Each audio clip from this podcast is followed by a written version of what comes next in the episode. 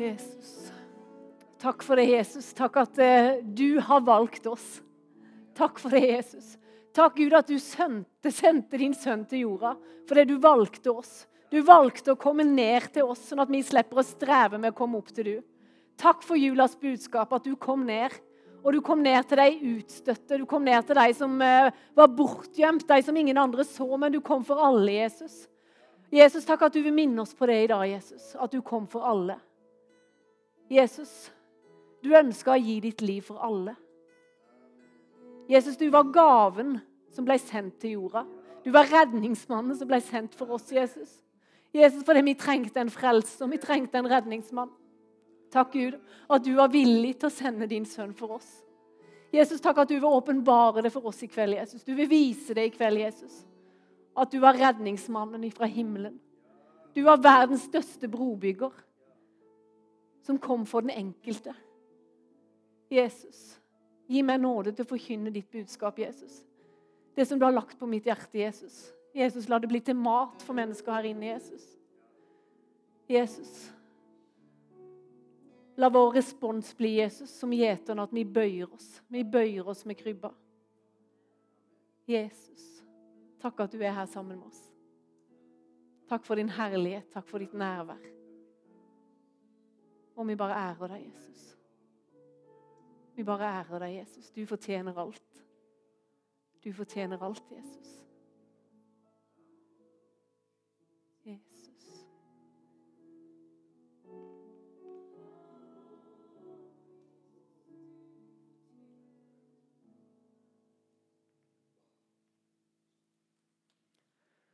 Tusen takk, Lillian og Ole Georg. Det er lov å skryte og takke for det om det er mannen, er det ikke det? Ja, det, ja, en applaus trenger de. Så godt å se dere som har tatt turen ut. Som Geir sa, så skal vi følge koronarestriksjoner og alt. Men dere, tenk så heldige vi er. Og vi trenger fellesskapet. Jeg trenger fellesskapet. Komme sammen. Komme sammen og feire Jesus. Det er noe vi trenger, og vi trenger å hjelpe hverandre til å løfte blikket. Rett og slett. Så i dag så har jeg et godt budskap til dere. Vi skal lande i eh, Lukas evangeliet. Eh, og Det er en plass jeg har vært mye nå i det siste. Jeg var klar for julekonsert. hadde gleda meg til det. Men så kunne jeg bare få lov å bruke, skrive enda mer om det som egentlig skulle stue inn på en femminutters appell. Så nå kunne jeg få lov bare bruke enda mer tid på å fortelle det fantastiske budskapet jeg har med i dag. Eh, I dag skal vi i Lukas, altså, og i den nye Bibelen, den nye Fokusbibelen så har dette kapittelet fått overskriften som er så fin. Hele verdens frelser. Det er en fin overskrift. Hele verdens frelser. Det er på en måte blitt hovedoverskriften for Lukas sitt kapittel. Og Lukas' evangeliet er jo skrevet av, av legen Lukas. Eh, og vi følger Jesus helt fra hans fødsel til hans død og oppstandelse. Det er det vi følger i Lukas. Og det en kan merke seg i Lukas, eh, og som en kan lese om, og, og som vi hører om, det er spesielt Lukas sitt hjerte for menneskene som på den tida var på utsida det sosiale lag. Altså de som var på utsida av fellesskapet. Eh, det var de fattige, det var kvinner, det var de som var syke, ureine. Ble sett på som ureine folk som var på utsida og utstøtt. Det er det spesielt Lukas har fokus på. Og Det er nesten som det foregår en kamp mellom de religiøse lederne på den ene sida som ville på en måte stå på sine krav og sine retter og sin, det som eh, de syntes de var viktig. Og så er det en kamp mellom de som følte seg ikke gode nok. De som var på utsida. Og Jeg vet ikke om du noen gang har kjent på det der å være på utsida. Kjent på den følelsen av ikke helt høre til i fellesskapet. Jeg vil ta deg med til en historie som jeg opplevde for noen år siden. Det var omtrent på denne tida her. Så var jeg bedt i en 40-årsdag. Og den 40-årsdagen den skulle ikke være i et helt for meg vanlig lokale. For det var rett og slett i lokalet til en motorsykkelklubb. Og det er ikke akkurat der jeg pleier å ferdes til vanlig. Og det var ikke Holy Riders, for å si det på den måten. Det var det ikke. Eh, og det er sånn at jeg kjente at jeg var ganske spent når jeg skulle gå der til det lokalet. Og jeg kjente meg litt sånn fremmed. Og det første som møtte meg, når jeg kom inn den døra, det var en vegg av røyk. Så det var sånn at Jeg så liksom ikke ordentlig menneskene som var der, for det var så røykfylt. Men så var det noe som lyste litt opp. Og det som lyste opp, det var noe sånn lange Hva gjør jeg for noe? Den der, der den klapper noe helt forferdelig. Det, det er godt det er noen som tør å si ifra. Sånn. Jeg har så lite hode, skjønner dere, at denne mikrofonen er egentlig litt for stor til meg. Det skulle vært en barnestørrelse med de. Jepp. Men i hvert fall så er vi tilbake til det lokalet. Og det var grått, og jeg så ikke ordentlig, fullt av røyk. Men så var det noe som lyste opp litt. Og det var jo veldig kreativt.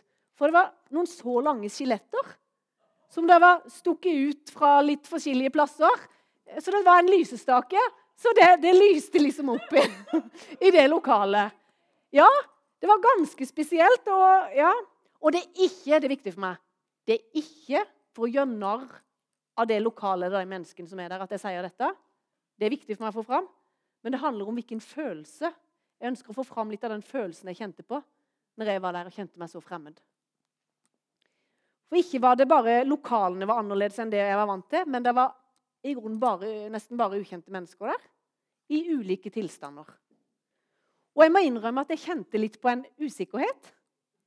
Følelsen av å være utenfor det fellesskapet. Eh, og jeg tenkte at eh, Hva skal jeg gjøre med meg en gang? Så tenkte jeg jeg setter meg her med dette bordet. Så satt jeg med, Da var det noen andre jeg kunne få lov å si det med, som jeg kjente. Så tenkte jeg, her kan jeg sitte så jeg, vil jeg veldig gjerne prate med folk, men jeg syns det var tryggest å sitte på den plassen. Så kunne heller folk komme litt sånn fra og til. Det var liksom greit å lande der. Eh, men det som jeg kjente på etterpå, når jeg var ferdig med den bursdagen, det at jeg var så glad for at jeg hadde reist. For det betydde veldig mye for han som hadde bursdag, at jeg kom. Og jeg hilste på mange hyggelige mennesker. Og så satt jeg igjen med det at jeg hadde enormt godt av å kjenne på den følelsen av å være på utsida. Jeg hadde veldig, veldig godt av det i forhold til mitt møte med mennesker. Når kanskje jeg treffer på mennesker, eller mennesker kommer inn her som ikke er vant til å være i en menighet, så har jeg veldig godt av å kjenne på den følelsen av åssen det er å være utenfor. Og ja, det er de som skringler. Det, det det er alltid mye lyd med meg, Geir. Det sier alltid Ole Georg. Da blir det ikke symmetri. Sånn. Da får alle som har OCD, da får de symmetri når de det, det, det, er mye som skal distrahere en pastor. Jeg føler det er et angrep her i kveld. Var de fine? Ja, jeg fikk dem til bursdagen av Lillian. Da, da prøver vi å gå videre, dere. Ja. Greia var at jeg hadde godt av å kjenne på åssen det var å være fremmed, rett og slett. Det hadde jeg godt av å kjenne på. Så vil jeg gå og spole fram. Eller tilbake ble det jo egentlig, for når Jesus ble født Så var det en gruppe som følte seg helt på utsida. Ikke bare, bare var de på utsida av byen Betlehem, men de var helt tydelige utenfor fellesskapet, og de var gjeterne. De hadde lav status. De var på utsida av det meste som skjedde i samfunnslivet. Folk hadde liten tillit til dem, og de ble sett ned på. Og folk stolte ikke på dem. Vi kan lese om det i Lukas 2, kapittel 8. Det kan vi få opp på skjermen. Det kan vi lese sammen. Nå var det noen gjetere på det stedet som oppholdt seg ute på markene. Guri Høytre leser, det er nesten så vondt i øra og holdt vakt over flokkene sine om natta. Og se, en Herrens engel sto foran dem. Herrens herlighet strålte rundt dem, og de ble meget skrekkslagne. Da sa engelen til dem, Vær ikke redde, for se, jeg forkynner dere en stor glede, som skal bli hele folket til del. I dag er det født dere en frelser i Davids by. Han er Kristus Herren. Dette skal dere ha som tegn. Dere skal finne et barn svøpt i lintøy som ligger i en krybbe. Og jeg syns det er så fantastisk fint. For hvem er det Gud ønsker å møte aller først? Som er de første til å få høre budskapet fra engelen denne julenatta. Jau, det er de utstøtte. Det er de som var på utsida. De er det Gud velger å være de første som får høre nyhetene. Og jeg ser det for meg der på Betlehemsjordene. Gjeterne sitter kanskje der rundt bålet, snakker sammen om hva de har opplevd denne natta. Helt mørkt rundt dem, bare bålet som lyser. En av dem er kanskje den trøtte gjengen som kjenner at holder på å søvne. Midt i dette, blant gjeterne, de som er utenfor, har lav tillit blant folket, der er det Gud velger å bryte inn med sitt budskap gjennom en engel. I det ene øyeblikket så er kanskje alt stille og rolig på bålet. Og i neste øyeblikk så er Herrens engel foran deg og kommer med det budskapet dere. Der blant de utstøtte. La oss se en kortfilm som viser noe av dette. Det er sånn at Noen av oss får et enda sterkere inntrykk når du ser det på film. Dette er på engelsk, så kanskje noen av dere tenker jeg skjønner ingenting. Men jau, du har hørt juleevangeliet før. Du har hørt budskapet før. Sett deg inn i den situasjonen nå. Tenk på det at du er utstøtt. Du er på utsida. Du er den som ingen har noe tillit til. Her er til og med Den første vi møter, han er utstøtt til og med av gjeterflokken igjen. Han er på utsida av gjeterflokken. Det er noe med å prøve å sette seg inn i åssen det var for gjeterne. Åssen det var for han ene. Så har jeg tenkt på det der Herrens herlighet. De opplevde og erfarte Herrens herlighet når de var der ute på jordene og egentlig Herrens herlighet? Åssen kjente gjeterne det? Kanskje er det summen av alt det Gud er? Var det det de erfarte der ute på markene?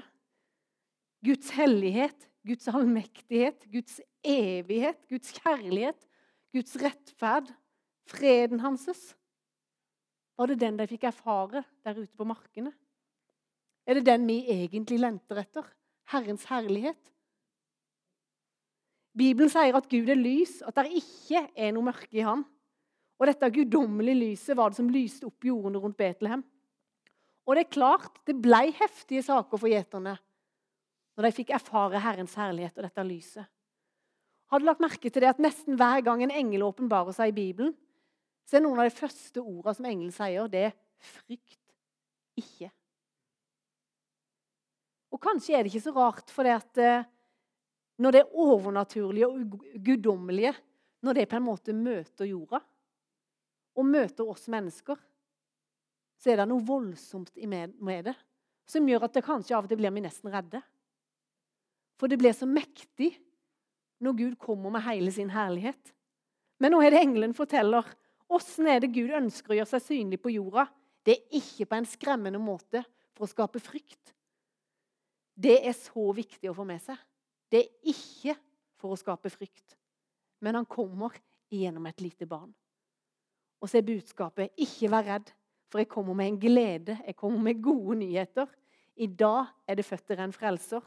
Dere skal finne et barn som er svøpt og ligger i en krybbe.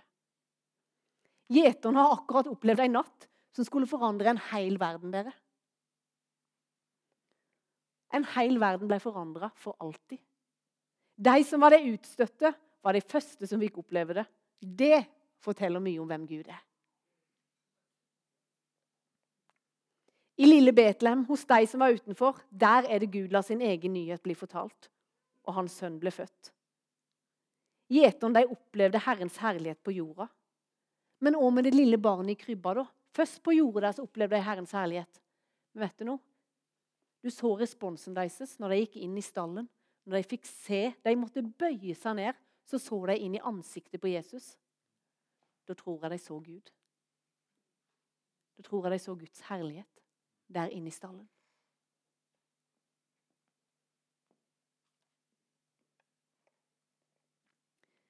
Det som er så fantastisk, er at Jesus han kom for alle. Han gjør ikke forskjell på folk. Det er ingen mennesker som ramler på utsida av Guds kjærlighet når Jesus kommer til jorda. Han kom for de utstøtte, de som følte seg på utsida. Han kom for alle. I fjor til jul, dere, kanskje i år òg, dessverre, så kunne vi lese på plakater å spre kjærlighet er å holde avstand. Er det noen av dere som så det i fjor? Å spre kjærlighet, det er å holde avstand. Det var nesten vondt å lese, og jeg skjønner det selvfølgelig, for det handler jo om smittevern. Men det var nesten vondt å lese. For etter å spre kjærlighet, det handler om å komme nær. Og det var det Jesus gjorde. Han kom nær til oss mennesker. Ingen i hele verden har vært en større brobygger enn det Jesus var. Ingen har bygga bro over et større gap enn det Jesus gjorde. Han kom ned fra himmelen, han ble et menneske, og så tok han bolig midt iblant oss. Han knytta sammen himmel og jord, så gjorde han det sånn at vi mennesker og Gud igjen kunne ha kontakt. tenker jeg Det er så fantastisk, det, for at Jesus, nei Gud mener jeg, han så at vi trengte en frelser, en redningsmann. Så det er blitt sagt, Dere kan få opp neste bilde.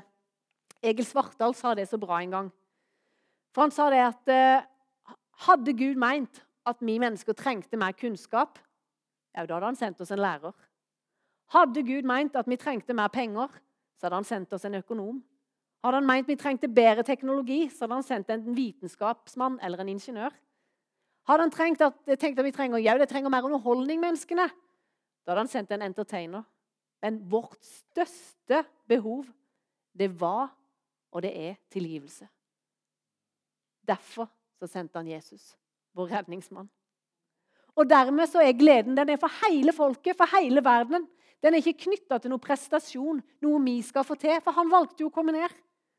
I jula så feirer vi at Jesus kom fra himmelen og steig ned til verden for å være sammen med du og med meg. Himmeldøra den ble lukka opp. Gjeterne de ble inkludert. De ble inkludert. Men så tenker jeg litt på og gjorde gjeterne, da? Når de fikk dette mektige budskapet, hva gjorde de for noe? Jau, de tok imot budskapet. Og så ga de en respons på det de fikk høre. Og så var de lydige. De var lydige. Og dermed, det at de hørte på engelens budskap, de ga respons, og de var lydige på det de fikk høre, så fikk de møte Jesus. Da fikk de se han, da fikk de erfare han. Du og jeg er inkludert hvis vi ønsker å ta imot den gaven som Jesus tilbyr seg å være i våre liv. Men vi må ta imot den gaven. Et av nøkkelversene i Lukas det er kapittel 19, vers 10. Der står det For menneskesønnen er kommet for å søke og frelse det som var fortapt. Søke og frelse det som var fortapt. Å søke hvis du ser på det ordet litt, det er noe aktivt. Altså Jesus han er aktiv. Han er ikke en passiv gud. Han er en gud som søker. Og søke kan også forklares med å leite, eller han prøver å finne. På den tida så venta de på en konge, en fredsfyrste. På en som kunne fri dem fra romerne og gjøre Israel til en stor politisk, religiøs makt. Men Lukasevangeliet det vitner om en Messias, en frelser, som presenterer seg på en helt annen måte. Det er tre spørsmål som spesielt Lukasevangeliet gir svar på. Det første er hvordan kunne Messias helbrede og bry seg om mennesker som egentlig ikke fortjente det, og ikke engang var jøder? Hvordan kunne Jesus gå så lavt? Han satte seg til bords med syndere og utstøtte. Hva er det som gjorde at Jesus viste, og i dag viser, nåde mot mennesker som venner seg til han, midt i deres skam, uten å bry seg om deres sosiale status eller fariseernes fordømmende blikk? Menneskene var viktigere for Jesus enn alle prinsippene. Og Lukas han svarer på det spørsmålet med å beskrive nettopp det, åssen Jesus var når han møtte alle de menneskene, når han vandra rundt der i Galilea og i Jerusalem. Og Hvis vi stopper opp i Lukas, så kan vi spesielt se det at han forfatteren Lukas han gjør oss oppmerksom på, og så understreker han Jesus sitt hjertelag for de utstøtte, nedslåtte, de som blir sett på som lite viktige. Det bruker Lukas et helt kapittel på å understreke. Før så var det litt mer sånn at vi snakka om de som var innenfor og utenfor. Husker dere det? Når jeg vokste opp, så husker jeg det var mye snakk om det innenfor eller utenfor. Og det er kjempeviktig at det er kun Jesus, kun med å ta imot den gaven som Jesus er. Det er kun da vi kan bli frelst. Det er kun det som redder oss.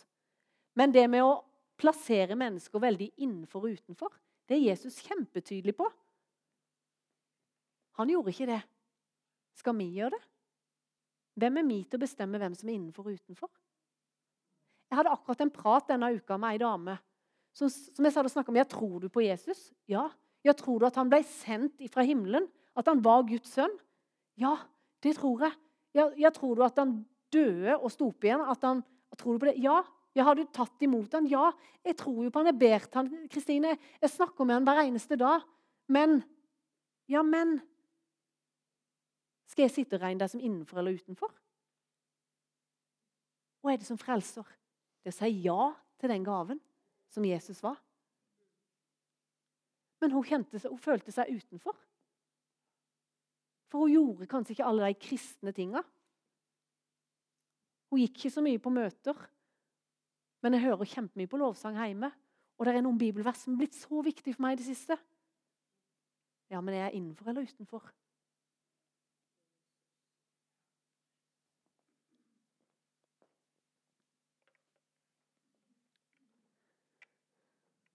Jesus kom for å leite etter de bortkomne og berge dem. Uansett sosial status, etnisk eller religiøs tilhørighet, om du er fattig eller rik, så presenteres vi for en frelser som kom helt ned og helt fram til oss. Lukas han skriver om det som har vært en merkelig dag for Sakkeus. Det begynner opp i treet, så ender det hjemme i staua til Sakkeus. Det må ha vært en spesiell dag for ham. Jeg tror ikke akkurat det var det han så for seg når han reiste ut av huset den morgenen. Jeg tror ikke det. Han fikk Jesus sjøl som gjest. Og Jesus stilte ikke store krav til Sakkeus, men den kjærligheten Jesus møtte Sakkeus med, den forandra han. Jesus brydde seg ikke om avstand. For når Jesus kom så nær Sakkeus, og Jesus ønska kontakt Vet du, Jesus ønsker å komme så nær du og meg. Alt vi trenger å gjøre, er å vende ansiktene våre mot han og gjøre oss tilgjengelige for han. Og Dette møtet med Jesus det forandra Sakkeus. Livet til Sakkeus ble aldri det samme etterpå. Et møte med Jesus sin godhet. Og Sakkeus responderte på denne godheten, og så lot han seg forandre av den godheten som han fikk erfare i livet sitt. Han ble jo helt annerledes. Det som før var viktig for ham, det ble ikke lenger viktig. Handla det om at nei, nå skal jeg ta meg sammen? Nå har jeg møtt Jesus, og nå må jeg ta meg sammen, for han, han har jo noen voldsomme krav til meg. Nei. Det var ikke sånn det var. Det var det møtet med Jesus, det å få være sammen med Jesus. Det å ta imot det som Jesus hadde for ham. Så ble det en forandring inni Sakkeus som ga et uttrykk ut. Og Sakkeus trengte forandring. Det kan vi jo se når vi leser om Sakkeus. Han trengte forandring. Men det gjør søren meg òg.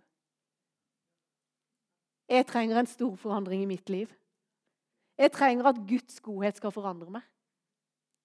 Ikke fordi at ikke Jesus liker meg sånn som jeg er, men fordi han har så mye mer for meg. Han har så mye mer for meg. I Romerne står det skjønner du ikke at Guds godhet driver deg til omvendelse. Møtet med godhet det gjør noe med oss. Det gir oss en ny retning. Det er nettopp det som ligger i omvendelse, at vi tar en ny retning. At ikke vi bare lever ut ifra våre egne tanker og meninger og følelser og vilje, men ifra det som Gud har for oss. Det han mener er det beste for oss. Vi erfarer noe godt, og det er det som endrer oss. Og ikke bare det, men det kan endre de rundt oss òg. Vi forholder oss plutselig annerledes til hverandre. For jeg har fått smake noe godt ifra Gud. Jeg har fått smake noe godt ifra himmelen. Det gjør at jeg kanskje ikke er så eh, er så bitter og irritert i forhold til møte med andre mennesker. For jeg har fått smake noe godt.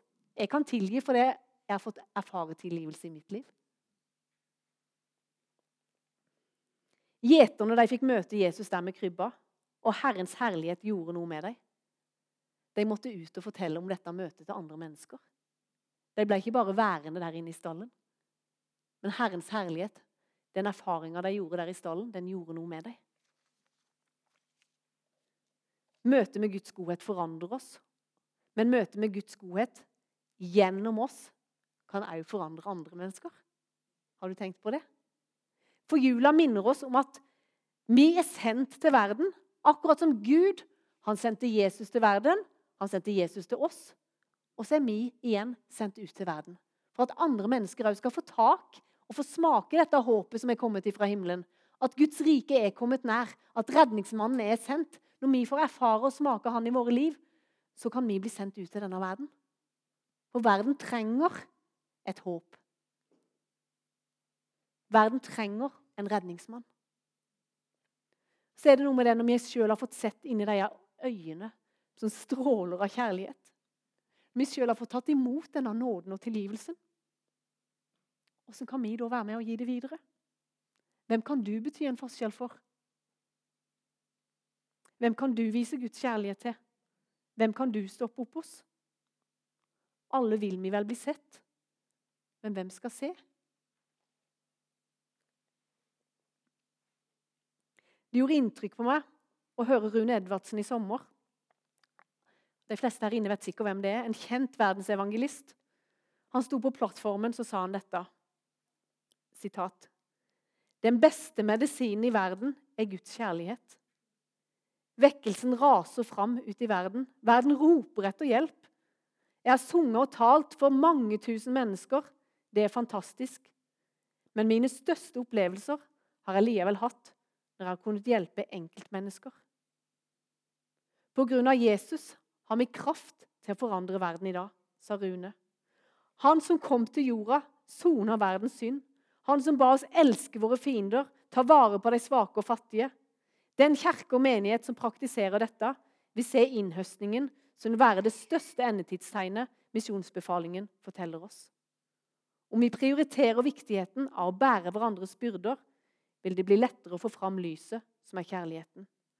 Nettopp det er vår oppgave, sa Rune Edvardsen. Når jeg forberedte talen i dag, så er det spesielt to punkter som kom fram til meg, som jeg tenker vi skal gå inn og få landing med. Det er det at Jesus, han har kommet nær. Uansett åssen du har det i livet ditt, uansett åssen du føler det, åssen du kjenner på det, så er sannheten at Jesus kom nær, og han ønsker å være nær til akkurat du. Han ønsker å være den gaven som ble sendt til jorda. Uansett åssen du kjenner på det, så kan du få ta imot den gaven. Og hvis du har tatt imot den gaven, så er det at han er der nær, uansett åssen dine omstendigheter er. Han kom for alle mennesker. Han kom for å se akkurat du. Han kom akkurat for din skyld. Jula kan være en god tid, og det kan være en vond tid. For alle følelsene blir så mye for meg forsterka i jula. Men sannheten er at han kom for å være du nær. Han kom for å se akkurat du.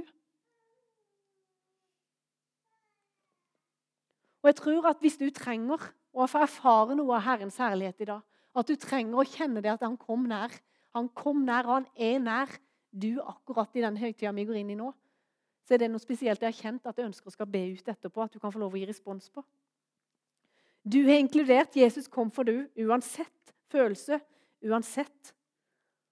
Han så gjeterne, og han har sett du. Så er det et annet ting som jeg har tenkt på. Det var det at du er inkludert, og så er det med lydighet. Gjeterne fikk høre budskapet. Så ga de en respons. De var lydige på det som engelen sa. De kunne valgt å bare være der på markene. De kunne valgt å bare være der. Nei, og tenkt, nei, det er best for oss å bare være her på jordene.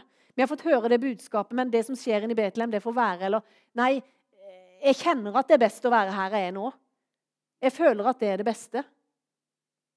De kunne jo ha tenkt det. De kunne ha latt være å reise inn til Betlehem. Men de var lydige. De bøyde seg i lydighet for det som engelen sa og responderte på det budskapet.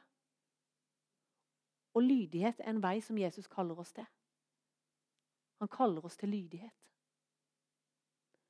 Og når de bøyde kne der ved krybba, så fikk de se inn i Guds ansikt.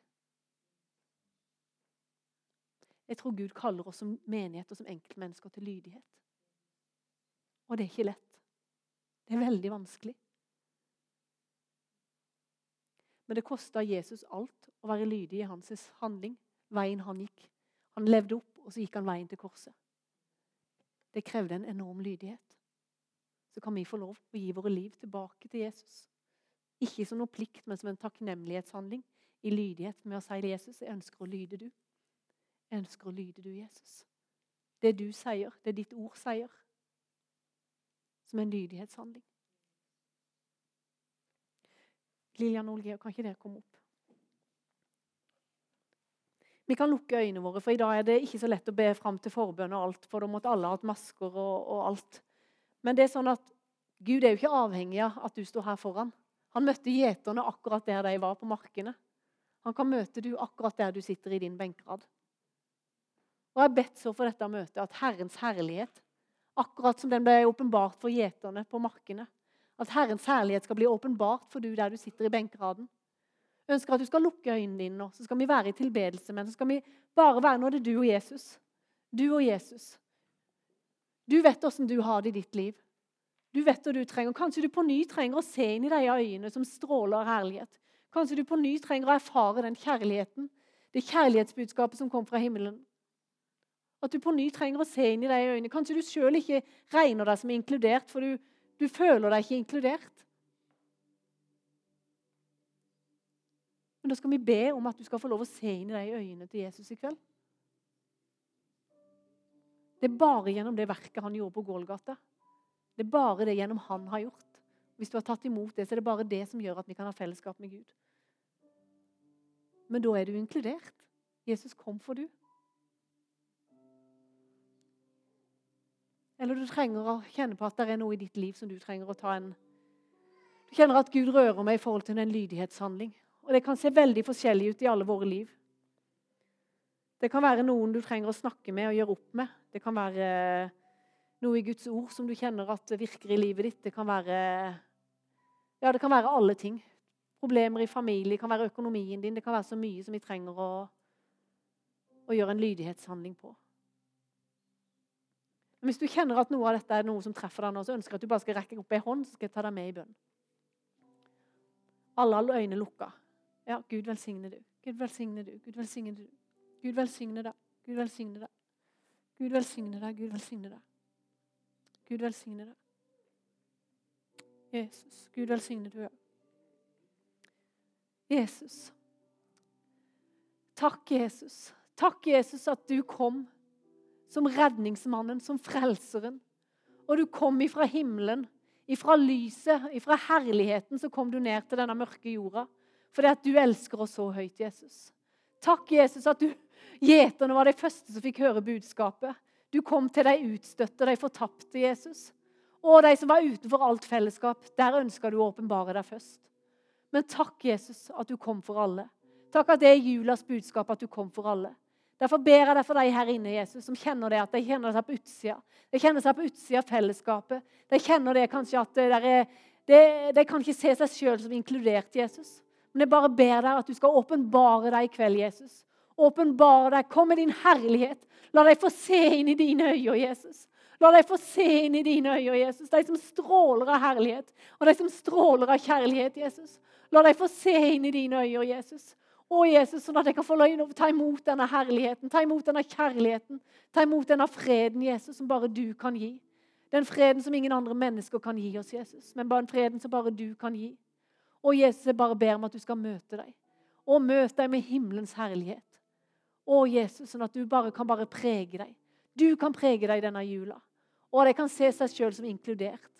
Se seg sjøl som at eh, du kom ifra himmelen. Jesus Kristus. Møt deg sånn som bare du kan.